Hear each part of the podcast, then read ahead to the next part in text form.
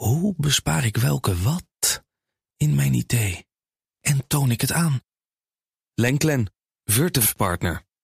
Lenklen, betrokken expertise, gedreven innovaties. Goedemorgen, dit is de Week van Energia op vrijdag 15 december. Ik ben Ilse Akkermans en ik praat vandaag met Joep Westerveld, redacteur van Energia. En Joep kon niet in de studio zijn vandaag, maar hij belt wel in. Welkom Joep. Goedemorgen Ilse. We hebben het deze week over de plannen voor regionale energie-infrastructuurprojecten, de zogeheten PMIX. Eerder dit jaar hebben alle twaalf provincies zo'n programma gepubliceerd. Een drietal onderzoeksinstanties heeft deze programma's nu geanalyseerd. Joep vertelt zometeen wat de PMIX precies zijn en wat de onderzoekers erover concluderen. Maar eerst kijk ik weer met hoofdredacteur Wouter Hielkema naar ander nieuws van deze week. En Wouter is bij mij in de studio. Goedemorgen Wouter. Goedemorgen Ilse. Welke onderwerpen sprongen voor jou uit in het energienieuws van deze week? Ten eerste dat warmtepompen met een energielabel A of lager vanaf 1 januari niet meer in aanmerking komen voor ISDE-subsidie. Dat is de investeringssubsidie duurzame energie en energiebesparing. En voor monumentale panden wordt het juist gemakkelijker om subsidie te krijgen. Daar gaan we het straks over hebben. Ander ding, bij het zoeken naar gebieden voor de bouw van extra windparken op zee na 2030 moet rekening worden gehouden met het cumulatieve ecologische effect op het ecosysteem in de Noordzee. Nou, dat klinkt. Uh, een hele mond vol. Hele mond vol, maar gaan we straks uh, verder uitleggen wat we daarmee bedoelen. En de gemeente Den Haag pauzeert aanbestedingsplannen voor warmtenetten. Het gaat in totaal om 45.000 tot 60.000 aansluitingen die gepauzeerd worden, dus dat is behoorlijk fors. Komt omdat uit onderzoek blijkt dat de plannen niet financierbaar zijn. Nou, wat dat betekent hoor je ook zo. Ja, we beginnen met de warmtepompen. Pompen met een energielabel A of lager krijgen vanaf 1 januari geen ISDE-subsidie meer. Wouter, de pot voor deze investeringssubsidie is voor komend jaar beter gevuld. Het budget is met 40 miljoen euro opgehoogd, zodat er 600 miljoen euro in zit. Om welke redenen komen warmtepompen met een energielabel A of lager nu niet meer in aanmerking? Ja, inderdaad. We hebben het over de ISDE. Ik noemde het net al, hè, de investeringssubsidie duurzame energie en energiebesparing. Uh, belangrijk werkpaard van het demissionaire kabinet om huishoudens en MKB-bedrijven te verduurzamen. Het is uh, flink opgehoogd. een paar jaar terug uh, zat daar nou, nog niet eens 100 miljoen in zo'n pot. Dit jaar zat er ook al bijna 600 miljoen in, in de ISDE-pot. En volgend jaar wordt die dus weer met zo'n bedrag gevuld. Ja. Er is ook vanuit het Klimaatfonds is er 1,4 miljard toegezegd extra voor de periode 2023-2028. Klimaatfonds is wel eventjes is een zijstapje, maar is wel even interessant. Daar praat de Eerste Kamer volgende week over. Of dat nog wel ingesteld gaat worden of niet. Dus als dat niet gebeurt, dan kan dat nog wel weer een probleem betekenen. Mhm. Ja, en om welke reden worden nou die warmtepompen met een energielabel A plus of lager niet meer uh, gesubsidieerd? Dat, komt, uh, dat volgt uit Europese regels. Um, Europa heeft een belangrijke vinger in de pap uh, over beslissingen wat er gesubsidieerd mag worden en wat niet. En ja, een van de dingen is dat om, om warmtepompen te, te subsidiëren, daar is een, een, eis aan het energielabel gesteld. Het moet minimaal A zijn. Um, nou, is dat dan iets, iets heel groots? Hè? Als, je, als je even kijkt naar de warmtepompen die dit jaar subsidie hebben kunnen hebben ontvangen. de, dat wordt gemonitord door de Rijksdienst voor Ondernemers Nederland, RVO. En die stelde dat de afgelopen jaar zo'n 3% van de aanvragen van warmtepompen een uh, warmtelabel A of een energielabel A of lager betrof. Dus 3% van de warmtepompen die dit jaar subsidie hebben gehad, zouden dat volgend jaar niet meer krijgen. Dus dat is op zich overzichtelijk. En hoe, hoe reageerde de branche daarop? Ja, ondanks dat het dus een, om een klein aantal gaat, was, was de branche toch wel enigszins uh, verrast. het kwam toch wel wat onverwacht, zeiden ze. De vereniging Warmtepompen, dat is de branchevereniging die alle warmtepompleveranciers en verkopers vertegenwoordigt. Um, die ja, stuurde ook een, een, een bericht uit naar, hun leden. Er stond in de kop stond heel groot urgent. Dus dat maakt toch wel dat het, ja, dat het toch een zekere uh, verrassingseffect was. Mm. Niet dat ze nu helemaal in paniek zijn hoor. Ze wijzen erop, er zijn een aantal um, bepalingen die, die nog wel relevant zijn. Zo is het bijvoorbeeld zo dat warmtepompen die in 2023 zijn aangeschaft, maar die pas in 2024 geleverd worden, uh, daar bestaat een overgangsregeling voor, dus die kunnen wel nog subsidie krijgen. Verder wordt er geadviseerd van, nou ja, leg je klanten de situatie uit, hoe, hoe het zit, zodat ze meegenomen worden in, in uh, deze veranderingen. Wat ook heel belangrijk is, kijk, dat energielabel van een warmtepomp, uh, dat wordt bepaald aan de hand van bepaalde technische specificaties, het vermogen en de prestatie, de efficiëntie van zo'n van zo'n warmtepomp. Mm -hmm. Maar afhankelijk van de buitentemperatuur kunnen die prestaties van zo'n warmtepomp verschillen. Dus de Vereniging Warmtepompen zegt ook uh, tegen, tegen leveranciers van warmtepompen: van check even bij, bij RVO, die erover gaat, bij welke temperatuur ze de prestaties van jouw warmtepomp hebben berekend. Want uh, misschien dat als je uh, gegevens aanlevert over een andere buitentemperatuur, waar jouw warmtepomp beter presteert, dat je dan ook een beter energielabel kan krijgen. Nou ja, dus op, op die manier wordt er, wordt er door de branche mee omgegaan. Ja, en het geld wordt komend jaar dus anders verdeeld. En zo worden de eisen voor monumentale panden juist verlaagd. Waarmee heeft dat te maken? Ja, nou ja, dat komt omdat monumentale panden um, heel erg moeilijk uh, te verduurzamen zijn over het algemeen. Uh, die moeten allemaal intact gelaten worden. Uh, vaak ontbreekt er een spouwmuur bijvoorbeeld. Dus dan kan je ook geen spouwmuurisolatie toepassen. Mm. Je mag ook niet een spouw maken in een, in een monumentaal pand. Hetzelfde geldt voor dubbel glas. Dat mag ook niet altijd zomaar vervangen worden. Dus dan moet je, moet je in de weer met, met, met voorzetramen of iets dergelijks. Nou, daarvan heeft, uh, heeft uh, het kabinet nu besloten dat daar aangepaste subsidiebedragen komen voor, voor glasisolatie. Zodat die voorzetramen ook, als die een goede isolerende werking hebben, dat die ook gesubsidieerd kunnen worden. En zo is er bijvoorbeeld ook duurdere bio-based isolatiematerialen. Daar is ook extra geld beschikbaar voor. Hè. Die hmm. zijn vaak wat duurder, maar het is wel prettiger als er bio-based isolatiematerialen gebruikt worden. Met oog op de circulariteit. Dus als je die gebruikt, kan je per vierkante meter kan je meer subsidie krijgen. Dan gaan we naar je tweede onderwerp. Bij het zoeken naar gebieden voor de bouw van extra windparken op zee na 2030 moet rekening worden gehouden met de cumulatieve ecologische gevolgen voor het ecosysteem in de Noordzee. Dat staat in de conceptnotitie Rijkwijde en detailniveau van het programma Noordzee. Over welke gevolgen voor het ecosysteem hebben we het dan, Wouter? Ja, ik vond het wel uh, verrassende zaken. Eh, waar het over gaat bijvoorbeeld, hè, windturbines in de Noordzee, die staan allemaal op van die grote gele monopiles, heet dat, funderingen. En door stromingen langs die funderingen worden waterlagen gemengd. En dat blijkt gevolgen te hebben voor de hoeveelheid nutriënten in het water. Dus de voedingsstoffen die in het water zitten, waar het, waar het waterleven van afhankelijk is, mhm. wordt beïnvloed door het feit dat daar windturbines staan. En dit kan ook uh, effect hebben op uh, dat waterlagen met verschillende temperaturen, dat die dan met elkaar gaan mengen. Hmm. Ehm, dat kan ook weer het waterleven beïnvloeden.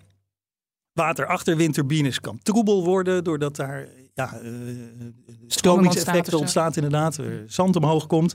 Dat kan dan weer uh, ervoor zorgen dat er minder licht doordringt, wat voor, de, voor het flora-leven onder water uh, gevolgen heeft. Dus dat zijn allemaal dingen. Ehm, ja, ik vond, ik vond het heel verrassend om, om dat zo te lezen, dat daar allemaal aandacht voor, voor moet komen. Ja. ja, de conceptnotitie waarin dit staat is onderdeel van een gedeeltelijke herziening van het programma Noordzee. Wat staat er in dat programma?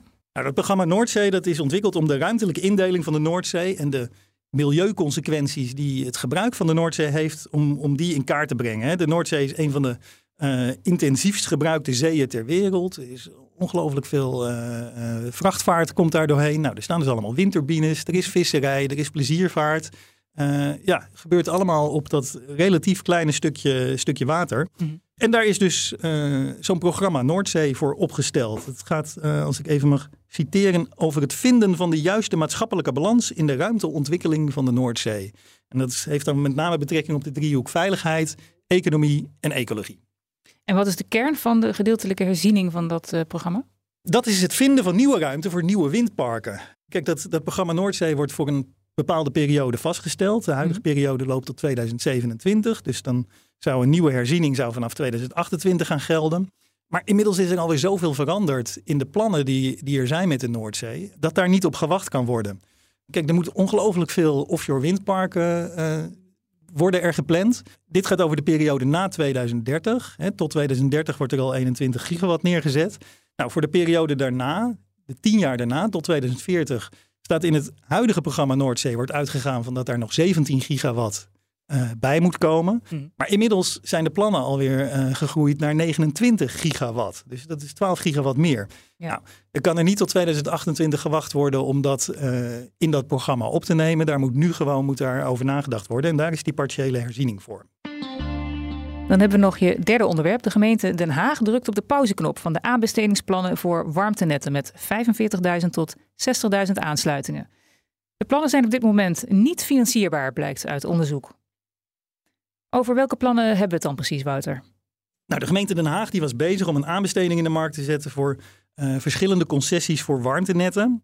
In totaal zouden die, die concessies opgeteld zouden dus voor 45.000 tot 60.000 aansluitingen aan warmtenetten zouden die goed zijn. Mhm. warmtenetten die, die aangesloten worden op bijvoorbeeld de warmtelink. Hè, dat is zo'n hoofdtransportleiding die gas aan het aanleggen is. Vanuit de industrie in Rotterdam komt er dan restwarmte en aftapwarmte uh, naar Den Haag. Maar bijvoorbeeld ook geothermie in de, in de regio Den Haag uh, wordt, uh, wordt gewonnen. Um, dat zou allemaal in die warmtenetten komen. Um, maar dat is nu dus op pauze gezet. Ja, wethouder Arjen Kapteins heeft nu aan de gemeenteraad geschreven dat de plannen op dit moment dus niet financierbaar zijn. Waardoor komt dat? Nou, hij schrijft uh, dat een verdiepende business case dit heeft uitgewezen. Zelfs als ze uitgaan van de meest gunstige uitgangspunten, zeggen ze van ja, is het niet financierbaar en komt er een onacceptabel risico. Mm. Um, en kapiteins wijst daarbij naar de gevolgen van de nieuwe warmtewet. He, we hebben het daar eh, volgens mij niet vorige week, maar twee weken geleden hebben we het daar uitgebreid over gehad in deze podcast. Kan de luisteraar even terugluisteren als die dat, uh, als die dat leuk vindt. In die nieuwe warmtewet, een van de belangrijke onderdelen is dat warmtebedrijven in meerderheid in publieke handen moeten zijn. Dat maakt dat grote commerciële bedrijven dat die een beetje kopschuw zijn om te gaan investeren. Um, en ja, Kapteins heeft daar onderzoek naar gedaan en die zegt ja, dat, het risico kan wel weggenomen worden als de gemeente alle financiële gevolgen van onzekerheden op zich neemt. Mm. Hij zegt, ja, dat risico kunnen we helemaal niet dragen als gemeente. Daar zijn we helemaal niet toe bereid. En daarom heeft hij nu uh, op de pauzeknop gedrukt. En hebben meer gemeenten daarmee te maken dat ze plannen voor warmtenetten hierdoor dus voorlopig in de ijskast zetten of, of op de pauzeknop drukken? Ja, er zijn wel meer gemeenten waar, uh, waar plannen voor warmtenetten gepauzeerd worden. Dat is overigens niet allemaal om deze redenen. Er zijn wel uiteenlopende redenen. Um, Utrecht Overvecht, of uh, ja, Utrecht Overvecht Noord uh, is uh, daar, daar um, treedt vertraging op. Mm -hmm. Pijnakker Nooddorp in, in Doesburg, sorry, bleken verschillende plannen bleken erg kostbaar en is de pauzeknop ook gevonden. Mm -hmm. Alfa aan de Rijn bleek een warmtenet naar doorrekening van de business case niet meer haalbaar. Um, ja, dus er zijn best wel veel gemeenten waar dit speelt. En nou ja, niet altijd, maar regelmatig heeft het ook wel te maken met die financierbaarheid of die of die risico's. Het artikel wat Katrijn de Ronde hierover schreef, heeft trouwens al, uh, zagen we gisterochtend, tot Kamervragen geleid van Silvio Erkens. Mm -hmm. um, die, nou ja, grosso modo aan de demissionair minister Rob Jetten vraagt van ja, zijn we nou wel eigenlijk op de goede weg met die nieuwe warmtewet? Ja. Nou, dat uh, voorspelt dan niet veel goed voor de behandeling van die warmtewet. Hè. Die moet nog door de Tweede Kamer worden, worden aangenomen. Mm -hmm. um, nou ja, goed, daar heeft uh, de VVD in elk geval nu alvast vragen over of dat wel de goede kant op gaat. Ja, wat betekent het pauzeren van de aanbesteding voor de aanleg van warmtebronnen in Den Haag ondertussen? Nou, we hebben de, de initiatiefnemers van verschillende plannen hebben we eventjes uh, gevraagd. Althans, Katrijn heeft dat, uh, heeft dat gedaan. En die uh, laten zich nog niet uit het veld slaan. Mm -hmm. um, de aanleg van Warmtelink, hè, dat is die hoofdtransportleiding die ik net al noemde, die, die gaat gewoon door. Daar zijn de, de, financier, of de investeringsbeslissingen zijn genomen. Ze zeggen, dit is een rijdende trein, het gaat gewoon door. Energiebedrijven Eneco en Uniper hebben gezegd van wij, wij zetten onze plannen nog niet in de ijskast. Haagse Warmte is een geothermieontwikkelaar. Uh, zegt ook van ja, nee, vooralsnog zetten wij onze plannen door. Mm. Wel rekenen ze allemaal erop dat dit nou minimaal voor vertraging gaat zorgen. Dus wordt vervolgd. Dankjewel, Wouter. We gaan het hebben over de plannen voor regionale energie-infrastructuurprojecten, de zogeheten PMIX. Eerder dit jaar hebben alle twaalf provincies zo'n programma gepubliceerd. Een drietal onderzoeksinstanties heeft deze programma's nu geanalyseerd. En met redacteur Joep Westerveld praat ik over wat ze concluderen. Joep, PMIC, dat staat voor Provinciaal Meerjarenprogramma Infrastructuur, Energie en Klimaat. Kun je om te beginnen wat meer vertellen over wat dat is? Ja, tuurlijk. Um, de PMIX zijn eigenlijk um, een beetje een analogie van de landelijke MIEK opgezet. Uh, dat bestaat al iets langer. En daarin zet, zitten projecten van uh, nationaal belang voor het doorvoeren van de energietransitie. Hmm. En uh, dat betekent dat zijn nu 14 projecten op dit moment. Ehm, projecten waar we het wel vaker over hebben gehad in deze, in deze podcast. bijvoorbeeld Portos, het CO2-opslagproject voor de kust van Rotterdam. Of bijvoorbeeld de landelijke waterstofbackbone. Nou ja, cruciale projecten dus. En um, ook projecten uh, die dus netbeheerders kunnen gebruiken om, om uh, hun investeringsplannen op de lange termijn op aan te passen. He, want als een project in de MIEK komt, dan, dan heeft het dus prioriteit. Ja. Nou, die provinciale MIEKs is eigenlijk een beetje hetzelfde, alleen dan op regionaal niveau. Dus dat zijn projecten of, of knooppunten die aangepakt moeten worden om de energietransities in de regio's echt op gang te brengen. En, en mm. ook om daar dus een soort prioriteit aan te brengen in wat moet er eerst. Ja, Ja, dit jaar publiceerden alle twaalf provincies hun meerjarenprogramma Infrastructuur, Energie en Klimaat, dus hun PMIC. En het Planbureau voor de Leefomgeving, de Rijksdienst voor Ondernemend Nederland en Onderzoeksinstituut TNO hebben deze programma's nu samen geanalyseerd. Wat is het belang van deze analyse? Ja, het idee van die PMIX is dat je elk jaar, of elk, elke twee jaar krijg je een update. Dus we hebben nu de PMIC 1.0. Nou ja, over twee jaar komt de PMIC 2.0 en dat gaat dan zo door. En dat wordt dan steeds aangepast aan de laatste inzichten. Mhm. En het idee van deze analyse is vooral uh, om lessen daaruit te trekken uh, voor de PMIC 2.0, zodat, zodat die nog beter kan worden opgezet. En wat zijn hun voornaamste conclusies? Nou, de, de toon van het rapport is eigenlijk vrij uh, positief. Mm ze benadrukken vooral dat het echt een waardevolle eerste stap is dat, dat dit nu gezegd is. alle twaalf provincies hebben ook een PMIC opgeleverd. Nou, dat, dat is een wezenlijk resultaat, zeggen de onderzoekers. Mm en het heeft ook geleid uh, uh, dat provincies en gemeenten nu al een actievere rol hebben gekregen bij het plannen van die energieinfrastructuur. Dat mm hadden ze niet altijd. Uh, ook tot een betere samenwerking van die provincies en de gemeentes en de netbeheerders. Veel provincies hebben nu ook al een, een energy board opgericht. wat dus bedoeld is om dat integraal programmeren aan te sturen. Integraal programmeren betekent dus dat je het hele systeem, een soort visie maakt van het energiesysteem in de toekomst in je provincie. En dat je op basis daarvan gaat aansturen. Mm Het is wel een, een verbeterpunt wat ze daarbij noemen, de onderzoekers, is dat eh, die energy boards zijn per provincie wel heel verschillend ingericht soms. Dus zij zeggen, oké, dat, dat moet eigenlijk gewoon een soort standaard voorkomen. Want die energy boards werken dan weer samen met, met landelijke, uh, uh, bijvoorbeeld ministeries of met de landelijke netbeheerders. Dus dat is makkelijker als dat gewoon eenduidig is. Mm -hmm. En verder, wat ze ook concluderen, is dat, dat, dat je wel echt kan zien dat sommige provincies duidelijk verder zijn met die PMIC dan andere. Eh, dus eh, eh, elke provincie heeft wel een PMIC opgeleverd, maar sommige zitten duidelijk meer diepgang in dan bij andere. Ja, en in de PMIC staat dus niet alleen een overzicht van infrastructuurprojecten. Ze hebben ook, die projecten hebben ook prioriteiten gekregen. Daar zien de onderzoekers drie risico's in. Welke zijn dat? Ja, dat is, nou, je hebt dus het, het PMIC, ik zei het al, het is een soort cyclus, een proces. En, en daar zitten bepaalde stappen die je eigenlijk zou moeten doorlopen. Um, bijvoorbeeld een van de stappen is dat je een energievisie opstelt. Dus met een soort van algemene principes of doelstellingen voor het energiesysteem mhm. van de toekomst in jouw provincie. Uh, en uh, het opstellen van een afwegingskader, wat je dan weer gebruikt om, om de selectie te maken van welke projecten moet, moeten prioriteit krijgen. Nou, dat hebben lang niet alle provincies gedaan. Die stap hebben ze eigenlijk overgeslagen. En daardoor is niet helemaal transparant nu of die projecten die geselecteerd zijn, of dat wel echt de projecten zijn met de hoogste maatschappelijke waarde. Dus dat is dat is een van de risico's. Het tweede punt is dat de PMX 1.0, dus die nu zijn, de plannen die nu liggen, die zijn eigenlijk toch wel voor een groot deel gebaseerd op uh, investeringsplannen van de netbeheerders tot aan 2030, 2031. Mm -hmm. uh, terwijl het idee eigenlijk is dat die infrastructuurplannen juist over de langere termijn uh, gaan. En die langetermijnvisie die ontbreekt nu nog grotendeels. Ja. En een derde punt, een derde risico, is dat die PMIC-status, uh, die garandeert nog niet per se dat, dat die projecten ook echt de hoogste prioriteit krijgen bij het uh, uitvoeren uh, of, of, bij de investeringsplannen van de netbeheerders. En dat komt onder andere doordat um, de, de, vijfde stap in die, die, die, stappenreeks die ik net noemde, is, is de uitvoering. Dus het vierde, vierde stap is het schrijven van de PMIX, het maken van de keuzes. En vervolgens moet dat natuurlijk vertaald worden naar de praktijk. Mhm. En die uitvoeringsafspraken die zijn ook nog niet echt concreet uitgewerkt. Ja. Wat gaat er goed in de PMIX? Kun je daarvan wat voorbeelden geven? Ja, ze hebben inderdaad uh, in, uh, in, het, in de analyse een aantal voorbeelden van dingen die, uh, die de onderzoekers vinden dat goed gaat. een, van de, een van de twee PMIX eigenlijk die maar een afwegingskader heeft opgesteld. Of zeg ik dat goed? Een van de vijf, denk ik eigenlijk. Um, maar in ieder geval, uh, dat is Noord-Holland-Noord. Mm uh, Noord-Holland is een, als enige provincie in tweeën opgedeeld. Uh, en in Noord-Holland-Noord hebben ze dus al zo'n afwegingskader opgesteld.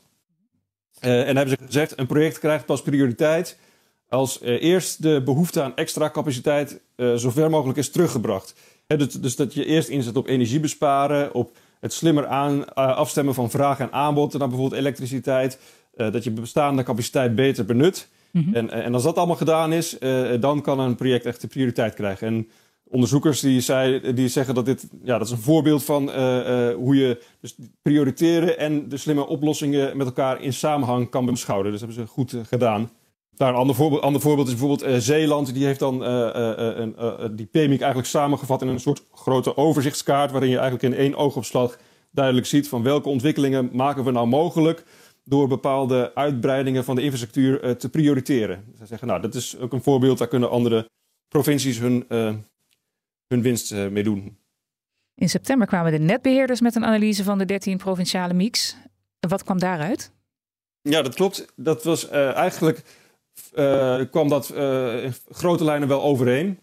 de netbeheerders die wezen er ook al op dat het eigenlijk toch de langetermijnvisie op het energiesysteem uh, leidend moet zijn. Mhm. En dat de PMX nu nog iets te veel kijken naar de knelpunten die zich nu voordoen op het net. Hè, de, bijvoorbeeld uh, op het gebied van uh, congestie. Mhm. Dus hoe vervelend dat ook is op kortere of middellange termijn.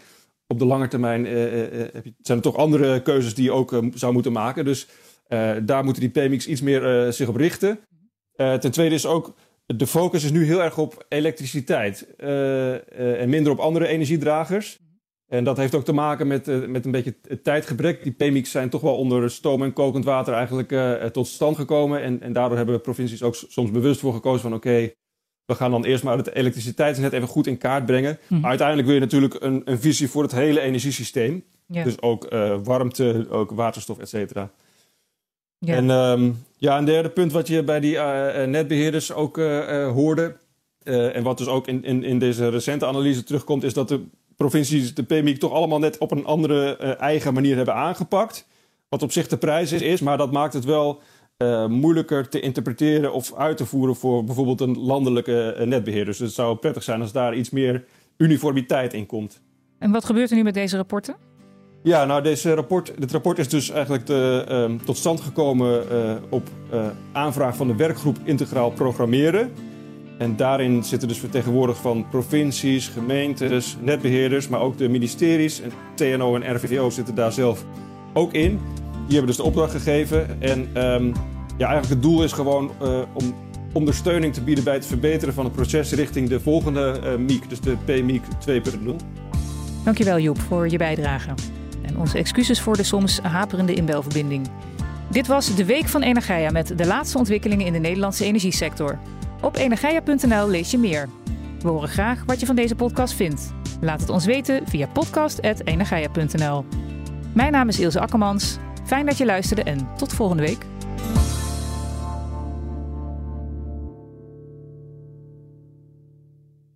Hoe bespaar ik welke wat in mijn idee en toon ik het aan? Lenklen, Virtuf Partner. Lenklen, betrokken expertise, gedreven innovaties.